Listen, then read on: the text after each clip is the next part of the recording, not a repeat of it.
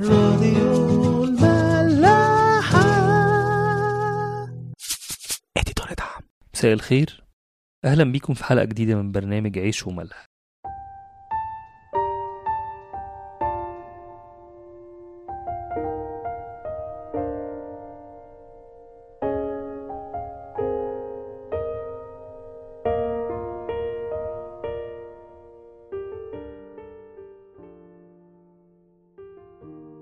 النهارده هنبدأ مع بعض المزمور ال 12 من مزامير داوود.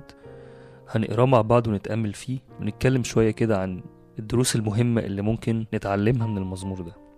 هقرأ معاكم كلام المزمور. خلص يا رب لأنه قد انقرض التقي لأنه قد انقطع الأمناء من بني البشر يتكلمون بالكذب كل واحد مع صاحبه بشفاه ملقة بقلب فقلب يتكلمون. يقطع الرب جميع الشفاه الملقة واللسان المتكلم بالعظائم. الذين قالوا بألسنتنا نتجبر شفاهنا معنا من هو سيد علينا؟ من اغتصاب المساكين من صرخة البائسين الآن أقوم يقول الرب.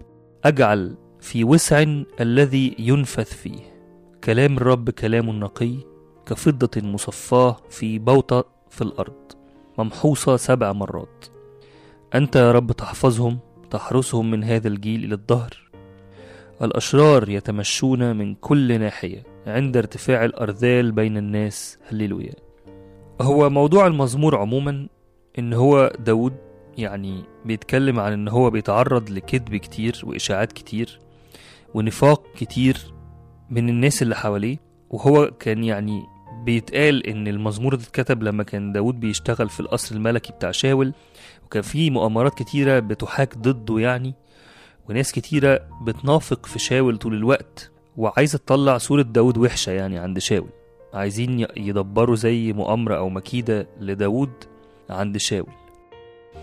وده الحقيقة يعني لو فكرنا في الأيام اللي إحنا بنعيشها دلوقتي أو في ال- في العالم عموما بنلاقي إن هو دايما اللي بيحصل في أي منظومة أو في أي شركة أو حتى يمكن في أي كنيسة هو ده اللي بيحصل. الكذب والغش والنفاق ملى الكلام أو هو اللي مسيطر على الكلام. لدرجة إن داود بيبدأ المزمور وبيقول خلص يا رب لأنه قد انقرض التقي.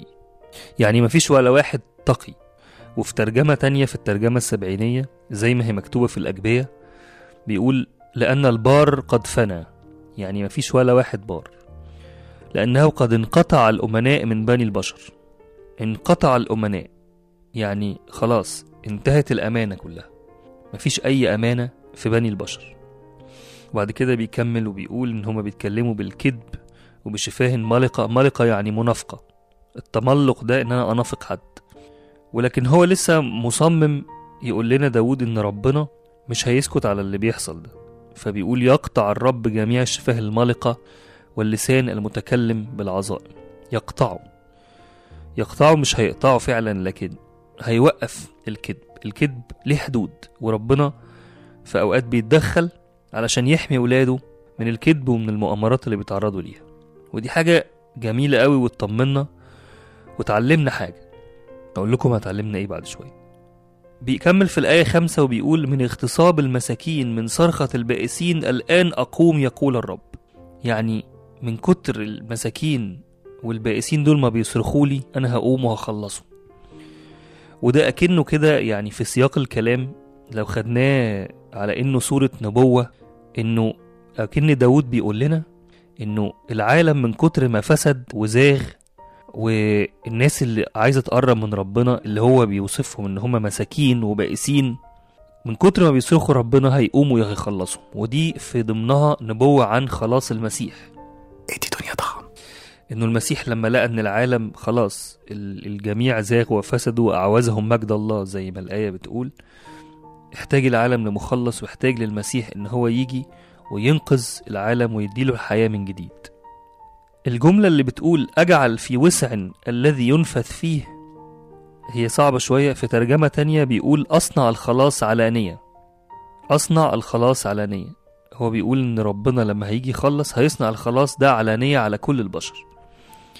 لكن لو حبينا نفسر الكلمة اللي موجودة في, في كلام الإنجيل نفسه أجعل في وسع الذي ينفث فيه. ينفث دي معناها ينفخ. وبتتقال الكلمة دي تشبيه للتعبان. بيقول إن التعبان بينفث السم بتاعه في حد تاني أو في حيوان تاني. فالكلمة دي معناها إن ربنا لما هيجي يخلص المساكين والبائسين هيخرجهم من الضيق اللي هم فيه فهيوديهم لوسع وهيخلصهم من السم اللي بيتعمل فيهم أو بيتنفخ فيهم من الأعداء بتوعهم من الناس اللي بتنافق. السم هنا ليه علاقة بالكلام أو بالنفاق يعني مش مش سم في معناه سم لكن سم الكلام يعني زي ما بنقول بالبلدي كلام زي السم. المؤامرات والنفاق والكذب اللي بتتعمل على أولاد ربنا هو ربنا هيخرجهم من السم اللي بيتعمل فيهم ده من المؤامرة اللي بتتعمل فيهم دي. فده تشبيه عجبني قوي إنه فعلا لو فكرنا قد إيه العالم كله كلام زي السم وقد إيه الناس اللي هي مش بتكذب ومش بتنافق ومش بتتكلم كلام وحش ومش بت مش بتعمل مقالب في حد أو مش بتستغل حد علشان خاطر هي تكبر مش بتدوس على الناس يعني بالكلام. الناس دي قلت قوي. الناس دي تقريبا آه، يعني نسبتهم تكاد تكون انتهت وهي واضح إن هي انتهت من أيام داوود يعني. فدلوقتي ممكن تكون الموضوع باظ خالص يعني. اللي أنا عايز إن إحنا نفكر فيه أو نتعلم منه من المزمور ده إنه مش هنلاقي حد نتعلق بيه في حياتنا إن هو يقف جنبنا أو يساعدنا غير قليلين قوي. الناس اللي ممكن تكون بتحبنا بجد ممكن تكون مش كتير. وأكيد اللي بيحبنا بجد هيكون في روح المسيح. لكن في وسط العالم ولاد ربنا هيتعرضوا لسم والكلام كذب والكلام رياء ومؤامرات. وده منطق العالم على فكرة هو العالم ماشي بالطريقة دي. الناس اللي ممكن تكون بتنجح في العالم مش كلهم لكن في كتير من الناس اللي بتوصل لحاجة في العالم ممكن تكون وصلت عن طريق الكذب والغش والنفاق اللي هو من قوانين العالم. لكنه مش من قوانين ربنا وعشان كده ما ينفعش أنا أعلق حياتي وأربط حياتي بإنسان وممكن يكون هو الإنسان ده مش أمين ففي الآخر هو ما يقدرش يعمل لي حاجة. لما هتزنق أو لما هحتاج مش هلاقيه جنبي مش هعرف أربط حياتي بيه. ممكن ده يكون لأن هو إنسان شرير وممكن ده يكون لأنه إنسان ما عندوش إمكانيات يعني في مواقف كتير حتى لو في ناس بتحبنا بجد لكن هو ما يقدرش يعمل لي حاجة. وفي مواقف تانية لو اتعلقت بحد بمدير أو برئيس أو بأي حد من البشر هو الإنسان مش أمين كفاية أو الإنسان ده بالذات ممكن يكون مش أمين كفاية إن هو يحبني ويخدمني أو يساعدني أو يتمنى لي الخير. وعلشان كده كل واحد فينا محتاج يفكر هو حياته مربوطة ومسنودة على مين. هل هي مربوطة ومسنودة على إنسان؟ إنسان بيحبه ولا إنسان مش كويس؟ ولا مربوطة بربنا؟ هل هي حياته متكلة على بشر ولا متكلة على الله اللي هو ليه السلطان في الأرض وليه السلطان على كل البشر؟ ولو حياتي متكلة على ربنا وخلاص وصلت للنتيجة دي هل أنا بتكل على ربنا في القرارات الكبيرة بس من حياتي؟ ولا بتكل على ربنا في كل حاجة في حياتي؟ هل أنا رابط مواقف حياتي الصغيرة كمان بربنا ولا المواقف الكبيرة بس؟ لو تخيلنا مع بعض حياة داود اللي كتب المزمور ده واللي كتب مزامير كتير جدا كلها بت بتنم عن علاقة حقيقية وعلاقة عميقة جدا مع ربنا وهو عارف ربنا كويس على فكرة. يعني مختبر ربنا في كل مواقف حياته. فلو فكرنا هل داود دخل ربنا في حياته في المواقف الكبيرة بس في الحروب مثلا أو في الضيقات أو في المشاكل أو حتى وهو ملك في قراراته الكبيرة ولا دخل ربنا فعلا حتى في قراراته الصغيرة؟ هل لو كان داود دخل ربنا في قراراته الكبيرة بس اللي هي حتى لو كان عددها كتير قوي هتكون كام؟ هتكون نسبة كام من حياته؟ ومن المواقف اللي اتعرض ليها في حياته.